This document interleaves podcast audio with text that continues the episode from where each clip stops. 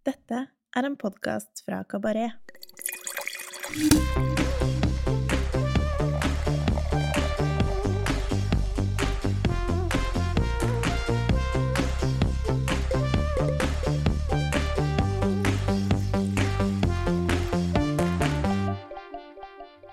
Hei, velkommen til Ukas vin, en podkast fra Kabaret, der vi hver uke tester én vin som vi enten digger eller har trua på. Jeg heter Tommy Andresen, og i denne episoden og de tre neste har jeg med meg Oskar Høld, eh, vinansvarlig for Frati-gruppen i Trondheim. Hei, Oskar. Hei, Tommy. Velkommen. Hyggelig å være i byen. Ja, du eh, holder til i Trondheim til vanlig? Mm. Jeg bodde i Trondheim siden 2014. Ja? Ja. Og da, hva, hva, hva fikk deg til Trondheim? Hva... Um, skal jeg være helt ærlig, så flyttet jeg opp sammen med eksen min. Ja. Fordi hun eh, hadde veldig lyst til å studere i Trondheim. Ja, ja. Og for meg så hadde det ikke noe å si om jeg skulle studere i Oslo eller i Trondheim. Jeg er jo opprinnelig fra Sverige. Ja. Og så ble vi enige om at eh, Trondheim var fint. Så startet på lektorutdanning i geografi i, på NTNU i 2014.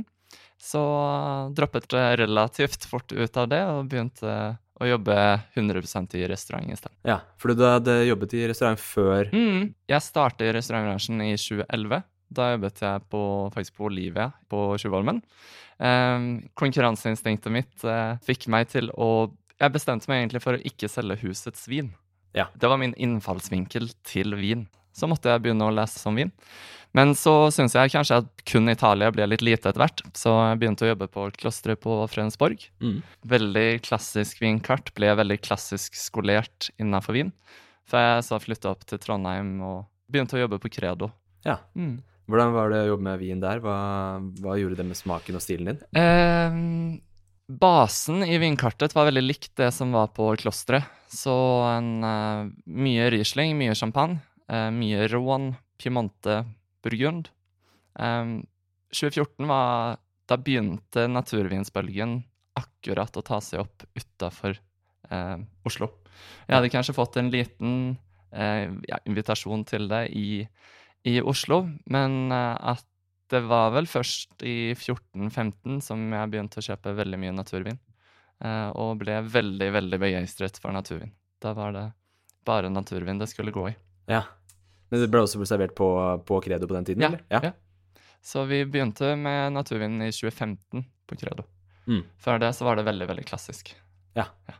Ble det da en sånn helomvending og 100% eller kjørte det litt mer miks? Uh... Det var en miks, uh, men det ble nok mer og mer av det etter hvert. Uh, nå føler jeg at nå er Credo tilbake i en veldig sånn fornuftig, pragmatisk miks mellom det klassiske og det litt mer ja, crazy. Mm. Og jeg føler at vinverden nå har landet i det, det er ikke så nøye lenger om det er konvensjonelt eller om det er natur. Ja.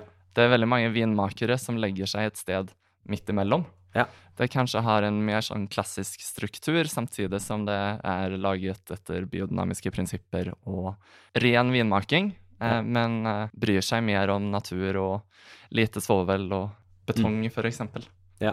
ja, for det er jo veldig naturlig å og når, når den bølgen med naturen kom, da skulle alle eh, drikke bare det, masse. Ja, ja, ja. Og da dykker man jo veldig dypt i det, men så, når man på en måte får filtrert ut lorten og Ja, sitter igjen med liksom de kule tingene, så kanskje man begynner å gå litt mer i balanse igjen. Alt trenger ikke å være Manfreds i København 2012, som uh, var første gangen jeg smakte naturvin, og da tenkte jeg at det her skal jeg aldri jobbe med. Mm. Uh, men så trenger jeg liksom ikke å være den mest ekstreme varianten heller, selvfølgelig. Mm. Så etter Credo så gikk vi videre til Spontan. Ja. Eh, etter Credo så fant jeg egentlig ut at jeg skulle tilbake til studiet. Eh, Ja. Så jeg tok, eh, startet med å egentlig bare være i permisjon fra studiet.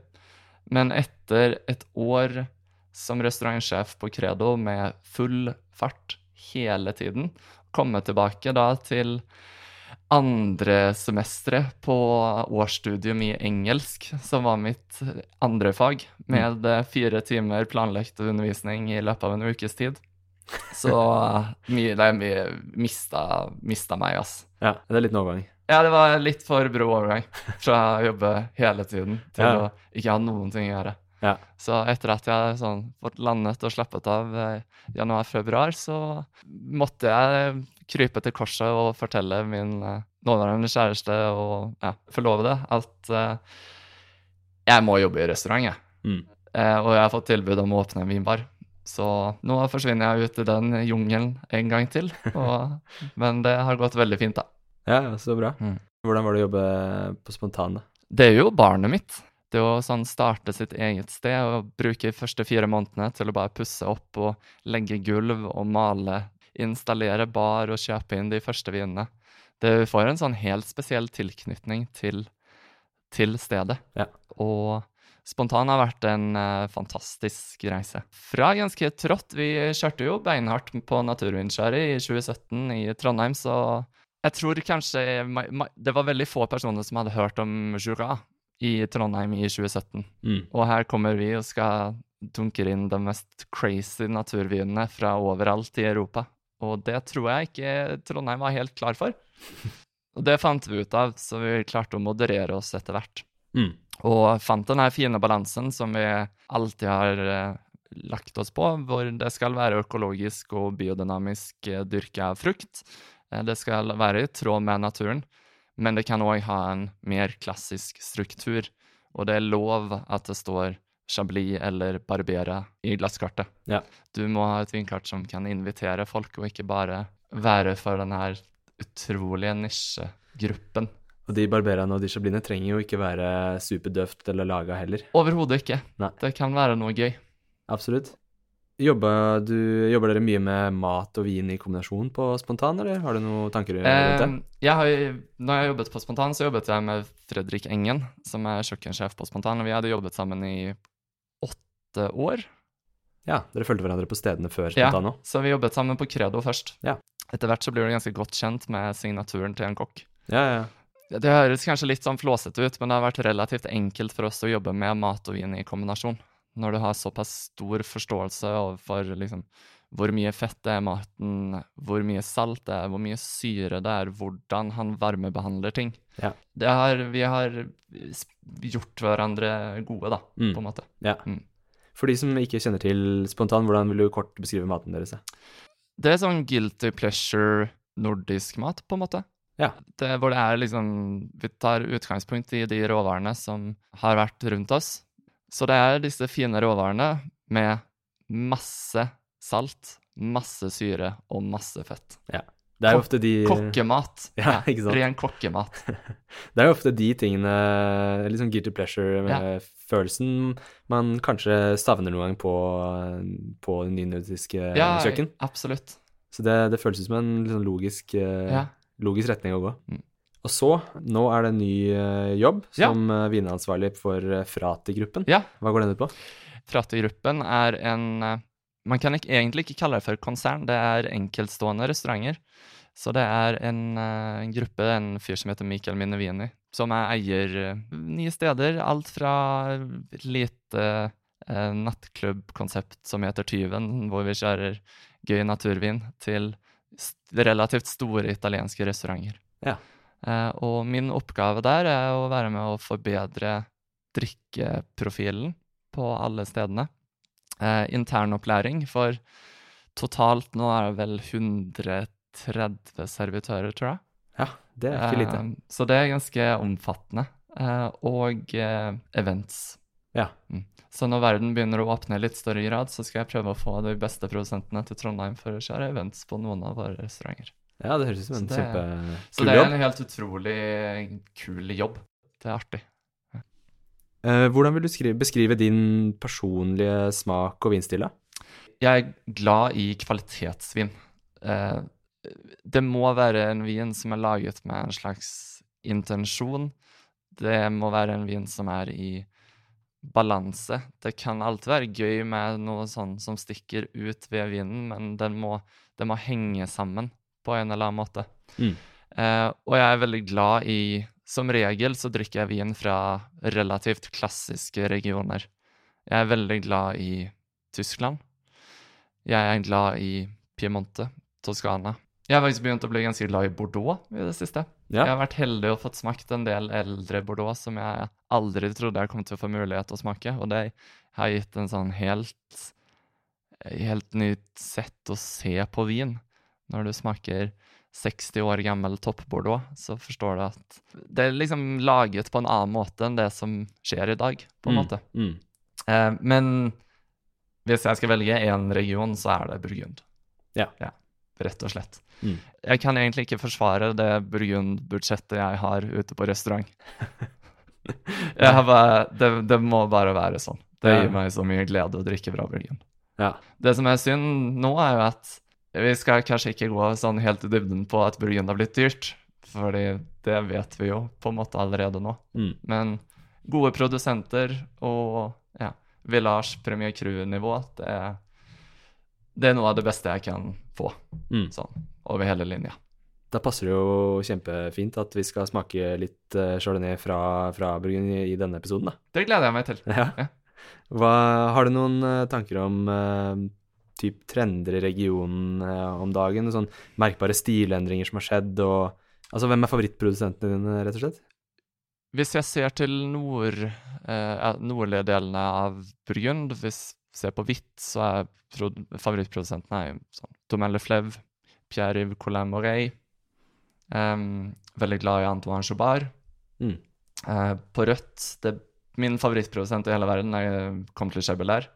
Det får jeg jo smakt sånn en gang i skuddåret, Ja. naturlig nok. Eh, ikke bare er det grisedyrt, det eksisterer jo ikke. Um, veldig glad i Fourier, Romier. Men det jeg ser på som kanskje den viktigste utviklingen, den er, det er egentlig todelt. For det første så blir satellittappellasjonene mye viktigere. Eh, det vil si de mindre anerkjente kommunene. Det er, det er vanskelig å drikke Premier Cru Chambol hele tiden. Mm. Eh, selv om penger ikke er en stopper for deg, så er det, det er utfordrende å bare få tak i flaskene. De Absolutt. eksisterer omtrent ikke. Men du kan alltid drikke gode produsenter fra eh, Pernan Vergeles, Oxydores, Montli. Mm. Um, jeg var i Burgund i 2014, og en av de vinene jeg husker som beste vinen på den turen, var 2010 Montli Blanc fra Comte Lafon. Ja. Eh, for 25 euro på en restaurant i Bonn. Ikke sant? Det var helt fantastisk bra. Det er utrolig tydelig produsentstil, Mm. men da i en, fra en kommune hvor du faktisk får tak i litt, i litt vin. Så smaker vinen litt bedre når du betaler den prisen også. Ikke sant? Ja, ja, absolutt. Så absolutt. Burgund, eh, jeg produsent eh, er helt Det er altfor meg i, i Burgund. Mm. Er helt sinnssykt viktig, og mye viktigere enn eh, særlig spesifikk kommune, syns jeg i hvert fall. Ja. Så jeg tar heller en uh, veldig god produsent i en ukjent appellasjon enn en Ja, ja helt klart. Ja, for det, det er ofte man hører uh, folk på polet hvor kunder kommer og sier 'Jeg skulle gjerne hatt en, en uh, Chassagne Montrachet'. Mm. Ok, men det er mye lurere å komme med en, et innspill om en produsent ja. du liker, eller eh, En stil. Eller en stil, ja. Ja.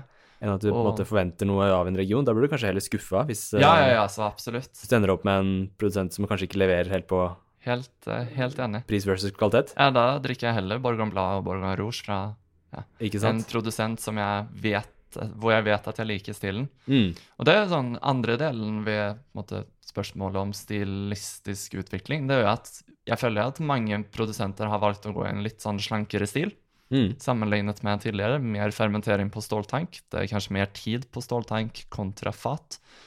Noe av det er sikkert for å begrense oksidasjon, men så Det blir jo varmere og varmere, da. Mm. Mm. Ja, helt klart. Og generelt bare mindre bruk av, mindre bruk av nye fat, kanskje litt roligere batonasje og flere ting som gjør at det, Ja, vinene klart. blir litt mer sånn slanke og Og det, delikate. og det trenger du for å balansere det som nå fort kan være 13,5 og oppimot 14 i alkohol. Ja. Hvis du putter 100 nye fat på en hvit burgund med 13,5-14% alkohol og 200% batonasje, da, da, mister du, da mister du mange, dessverre. Ja. Ja. Og dette med, med litt sånn eh, Hva skal man si Regioner som er litt off radaren, er jo veldig treffende med tanke på eh, produsenten som vi skal smake i dag. Mm. et av premissene for eh, spalten er jo at disse vinene skal være tilgjengelige å bestille i på polet, i Mm. bestillingsutvalget. Det gjør jo å velge vin fra Burgund nærmest umulig. Mm. Men en uh, ny produsent, uh, jeg vil ja, nesten gå så langt som å kalle det en kultprodusent, nemlig Maison Valette, uh, har jo endelig kommet til Norge i år. Det er jo veldig hyggelig. Har du noe forhold til Det er, helt, det er helt sinnssykt at du kan få valett i bestillingsutvalget på Vinmonopolet. Ja. Det er helt utrolig. Folk går helt bananas uh, for å få tak i det i, altså, overalt i Europa, men Ja. også i Sverige og Danmark. Ja, ja. Så jeg tror det bare rett og slett at det er ikke Folk har ikke rett og slett fått øynene opp for hva det er. er Nei, ikke sant. For kvaliteten er eh, etter min mening skikkelig, skikkelig bra. Ja. Og så er det jo, det er jo helt, en helt annen type stil da, enn det man får lenger, lenger nord, som regel. Mm. Eh, men eh, jeg har drukket mye valett i, ikke minst i Frankrike. Ja. Eh, på både barer i Paris og på bygda i Beaujolais. Der smaker det ekstra godt. Ja, ja virkelig. Eh, og Philippe Valette, han er, eh, han er altså tredjegenerasjons vinmaker hos Maison Valette, som eier totalt 8,5 hektar vinmark, med base i den lille landsbyen Chantré i det sørlige Burgund, mellom Macau og Beaujolais. Etter at han fullførte vinstudiene i 1990, så bestemte Philippe seg for å konvertere alle familiens vinmarker til økologisk drift, og etter hvert som eh, årene gikk, så ble han mer og mer eh, dreven på hvordan han kunne få frem det beste av vinmarkene uten å benytte seg av kjemikalier. I eh, kjelleren så jobbes det ganske old school med gamle eikefat lang, og lang modning på bunnfallet for å få eh, ordentlig god konsentrasjon og intensitet. Vinene de har, eh, de har et eh, ja, rikt og lett oksidativt uttrykk med høy mineralitet, ikke ulikt mange av vinene til hans likesinnede vinmakere i Jura. Vinene til Valett de kan ofte minne om de beste chardonnayene fra, fra naboregionen ved foten av Alpene. Valett jobber utelukkende med chardonnay-druen, og vinene kommer fra flere ulike underregioner i Burgund, som blant annet Pouilly-Fusé, Pouilly-Vencel, Macan Chantré og Viré-Clessé. Vinmarkene varierer i alder, fra 15 til 75 år, og er hovedsakelig planta i et eh, jordsmonn som består av leire og kalkstein, som, eh, som ofte ellers i Burgund også. Philippe eh, Valette han regnes som en av de virkelig store blant eh, produsentene som jobber med naturlig vinmaking. Eh, ikke bare i Burgund og Frankrike, men i hele verden, egentlig. Så vi er, vi er som sagt veldig heldige som har fått en såpass trivelig første allokasjon til Norge gjennom importøren eh, Wine. Vinene har faktisk gått relativt under radaren her til lands så langt, så det gjenstår å se hvor lenge det varer. Cuveen Macon Chantré Vielvigne den er økologisk dyrket. Den består av 65 år gamle vinstokker planta i et jordsmonn av eh, silt og leire. Eh, druene presses direkte og spontanfermenteres over seks måneder på ståltanker. Videre modning i 25 måneder på gamle eikefat før flasking. Vinen er ufiltrert og minimalt svovlet. Druetypen er 100% chardonnay, og på polet koster vinen 495 kroner. Ikke noe upris for en, eh, for en topp chardonnay fra Burgund, det. Ikke det, altså. Ganske billig sammenligna med mye annet i samme ja. pris, eller samme kvalitet. Det er samtidig en relativt høyt prisa vin fra Macon. Det kan man si. Ja. Det er et poeng. Du får ikke mye for 495 kroner i Chassan eller i Meursault. Men, Nei. men eh, jeg regner med at det vil forsvare prisen etter at vi får smakt det. Ja, for her tenker jeg at det er, her er det produsenten som forsvarer prisen kanskje Ja, mer enn en regionen. Da. Ja, helt enig. På høy tid å smake litt. Absolutt. Hva vil du si om fargen, Oskar? Um, dyp gul, rett og slett. Ja. Det er nesten Synes nesten har noen sånn kobbernoter. Noen skjær som er Jeg vil ikke si brune, men Ja, men gyllen, ja. Ja, virkelig, virkelig. ja. Og dyp gul og lett, bitte litt grann ufiltrert i Ja, men ikke sånn Ikke. Ikke mindre, ikke så mye som jeg hadde forventet, egentlig. Nei, Men det, det, kan jo, også, det kan jo på en måte være med å bare sånn bygge tettheten i fargen. Uh, Mm. Det er langt fra grumsete, ja. Ja, for det er jo ikke noe galskap uh, naturprodusent dette her. De leverer jo veldig Ja, ja, rene, rene, rene ting. Men hvis jeg hadde vært hos en mer klassisk produsent i 2016-årgangen i nordlige Burgund. Eller sentrale Burgund blir det jo sånn strengt tatt. Mm. Da hadde jeg blitt veldig skeptisk på denne fargen. Ja. Ja. Det skjønner jeg godt. Nei, dette her eh, Jeg syns det her er så sjukt digg og presis uh, nese. Det minner, Mm. det minner veldig om Jura, sånn stilmessig. Men som, altså, kanskje først og fremst liksom bare chardonnay-druen i i den delen av Frankrike. Helt, helt klart. Og at, som du sier, så har den jo mye Den er jo mye nærmere Jura i karakter. Ja. Både sånn det du forventer visuelt, men også det du får sensorisk på nesa. Mm. Eh, hvor du får den her dype fersken-notene. Det er jo gul frukt. Det er et snev av noe mer sånn tropisk, men på nesa så er det, det er gule pærer, det er eh, gule plommer. Mm. Det er gult, gult, gult. Ja, enig. Helt enig. Men også liksom den klassiske liksom, sitron, eh, mo moden Ja, sitron, ja. men også, men også liksom slør av liksom røyk og Mm. mineralitet, som er liksom stein og røyk, rett og slett. Som man ofte også kanskje kjenner igjen mye i, i Jura. Det lukter varm, eh, varm vinmark. Mm. Det lukter veldig sånn sommerlig, på Ja. en måte. Varm. Varm. Varm tror jeg er det som jeg på en måte tenker på. Men også med et sånt eh, Det er ganske tydelig preg av lang bunnfasmodning, syns jeg. Ja, ja.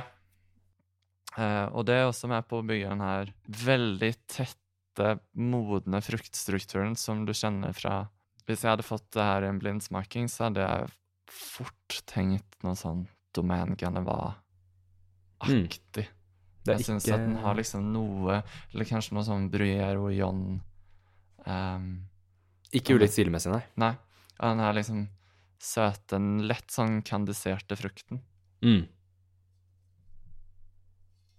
Og egentlig ganske sånn Den var litt mer stum da, den ble da vi Mm. den, men den trenger ikke mer enn sånn fem minutter i glasset før den liksom bare velter ut Ja, og er ja, skikkelig ja, uttrykksfull. ja. Og liksom perfekt uh, jeg synes en sånn perfekt blanding av liksom kompleksitet og umiddelbar bare sånn Mm. uh, digg, ren Ja.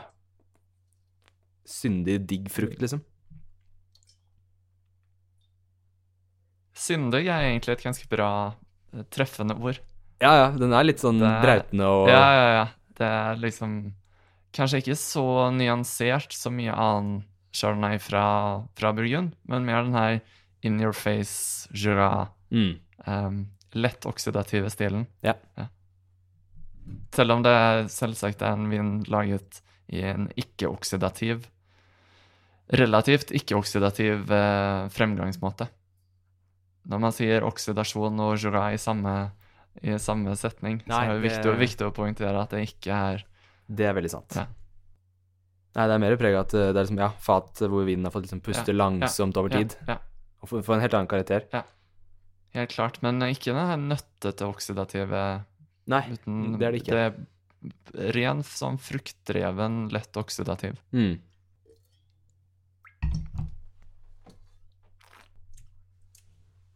Det er en tett vin, altså. Ja, det er Det er ekstremt Det konsentrert. her er så konsentrert. Det her er nesten at du kan, kan sånn skjære i vinen med kniv. Det er overraskende sånn umoden sitrussyre. Ja, Jeg hadde um... egentlig forventet at syren skulle være mer i retning av altså gul. Um, Men det er litt sånn digg at den er såpass uh, sitrende slank, uh, den syrligheten også. Mm. Uh, det, er jo, det er jo ganske høy, overraskende høy alkohol på dette her. Det er jo faktisk uh, hele 14,5. Oi, jøss. Det er drøyt. Wow. Men det er nesten ikke Det er ikke merkbart. Altså, den bærer det Ja. alkoholen sjukt pent. Eh, men det bidrar jo litt til konsentrasjonen, selvfølgelig. Det er en stor vin. Det, og du ville jo ikke klart å bære 14,5% hvis du ikke hadde laget vin på den måten som Valett lager vin, Mm. eh, hvor det ligger i to år på bunnfall og virkelig får bygge opp alt som er av kropp og eh, tekstur og intensitet. Mm. Det her på en eh, ståltank-chablis tror jeg blir litt mer utfordrende. Ja. Og jeg, jeg tror de må, må nok passe seg litt i varme år med plukketidspunkt og hånden i kjelleren. Helt klart. Eh, og det man kunne ha sett for seg i sånn enda varmere år, er jo eventuelt å benytte seg mer av ståltank, da. Mm. Alternativt høste tidligere. Ikke sant? Men du ønsker jo fortsatt modne druer. Sukker er jo ikke alt, dessverre. Nei. Nei, dette er eh, Det er fryktelig godt, rett og slett. Mm. Uh, ja, som du sier, du kan lett nevne liksom i samme åndedrag som Ganova og Bruyère og Yon, sånn rent stilmessig. Og hvis man er fan av Hvis man er fan av Chardonnay fra Jura, så er jo dette her liksom rett opp den gata. Mm. Uh, Men ikke kjøp det som et substitutt for Chassan eller Merceau. Det ville jeg ikke gjort. Nei. Det er jo en helt annen vin. Mm. Er det noen andre folk i Burgund som du tenker liksom leverer litt den samme stilmessig som dette her? Eh, I sentrale Burgund så har du en produsent som heter Maison de Belly, Yes. eh, som jeg syns kan ha noe av den samme identiteten ved seg. Ikke nødvendigvis den fullt den samme konsentrasjonen og teksturen, eh, men du kjenner at det stilistisk er relativt likt laget. Ja. Han uh, Pierre Finale, så det vel, som heter lager de vinene. Mm. Er, jeg har vært fan av han uh, i flere år. Ja, kult. Uh, Ja, den Deres Montelie-kuvé ja, ja, ja den er helt bonkers. strålende. ass. Den er tatt vare på et par av fortsatt. Og der har jeg også med hell drukket en del av uh, Ja. til Belize. Det er jo, hvis jeg ikke husker feil, så er det vel 70 år gamle vinstokker i Saint-Aubin. mm, Så det kunne jo fort ha vært eh, ja, noe, litt, noe helt annet, annet enn en Bourgogne aligoté. Absolutt. Det syns jeg er veldig gøy med sånne randomme prosjekter Mm. som, som går. Det er helt fantastisk at det er 70 år gamle vinstokker i Saint-Aubin på en drue som ikke er tillatt for, for produksjon av kommunevin. Ja. Jeg kunne sikkert fått uh, solgt litt dyrere vin på, andre, på en annen druetype. Mest sannsynlig. Ja. Akkurat uh, Ambelli er jo en produsent som har vært, vært tilgjengelig i Norge en stund, men som blir litt sånn borte plutselig i noen Ja. periode, periode, og kommer litt tilbake. Men det er verdt å holde øynene Mm, eh, åpne for, altså. Mm. Men selvfølgelig litt, bitte litt under i konsentrasjon, for Valett er jo, de, de leverer jo liksom enda heftigere. Ja. Tyngre, ikke tyngre, men liksom større viner. Og det, det kan kanskje ha noe med litt sånn klimatiske forskjeller. At det er jo det er noe varmere i, i Macon sammenlignet med i sentrale Burgund. Mm. Ja, for i Macon her er vi jo nesten i Beaujolais, egentlig. Eh, Ja, det er eh, ikke langt unna. Ja, nei, det er mye nærmere til eh, Rån, egentlig, enn hva det er til Bån. Ja, ikke sant? Mm. Hva vil du drukke den til av mat, tenker du? Det her tåler veldig, veldig mye forskjellig. Eh, fransk bondemat. Mm. Kylling. Men sånn krema kylling, Ja, det fikk jeg veldig, veldig lyst på. det Krema jo kylling og noen morkler. topp nå, da, i Det- sesongen. Ja, ikke sant? Det her tåler mye av liksom lyst kjøtt, faste oster. Jeg vet, altså, det er jo alltid Savagnin som er sånn optimale til comté, men hvis du Hvis vi hadde hatt noen sånn deilig, hard fransk ost, så hadde jeg ikke, Mm. ikke takket nei til det. Nei, nei. Det Det her tror jeg også tåler ganske mye sånn soppretter. Ja. Nå som vi har både steinsopp og kantarell eh, rett ute i skauen, så mm. smørstekt uh, kantarell på toast med litt grann revet ost oppå. Ja, det høres eh, veldig riktig ut. Hva tenker du? Nei, jeg, jeg er helt enig med deg. Eh, både liksom, ja, litt smør og litt sopp og litt eh, Både kylling og fisk, selvfølgelig litt sånn tyngre hvite Mm. Litt sånn piggvarretter og sånn, er jo helt sikkert en innertier. Mm. Uh, nå er ikke jeg noe uh, mester på mat og vin i kombinasjon selv, men av sånne enkle kombinasjoner så tenker jeg at det er de, de mest opplagte. Ja, ja. Uh, jeg syns jo det hørtes ekstremt digg ut med litt sånn kylling, enten på, enten på våren med primører og, Mm. og, og sånn, men også på høsten med litt mer sånn sopp og litt av vinen i Ja, sausen og sånne ting også. Eller ikke kanskje litt rimeligere igjen. Når jeg prøver å finne ut hvordan jeg skal matche en vin med mat, så jeg tenker utrolig mye på sånn intensiteten i vinen, teksturen og, og fylden.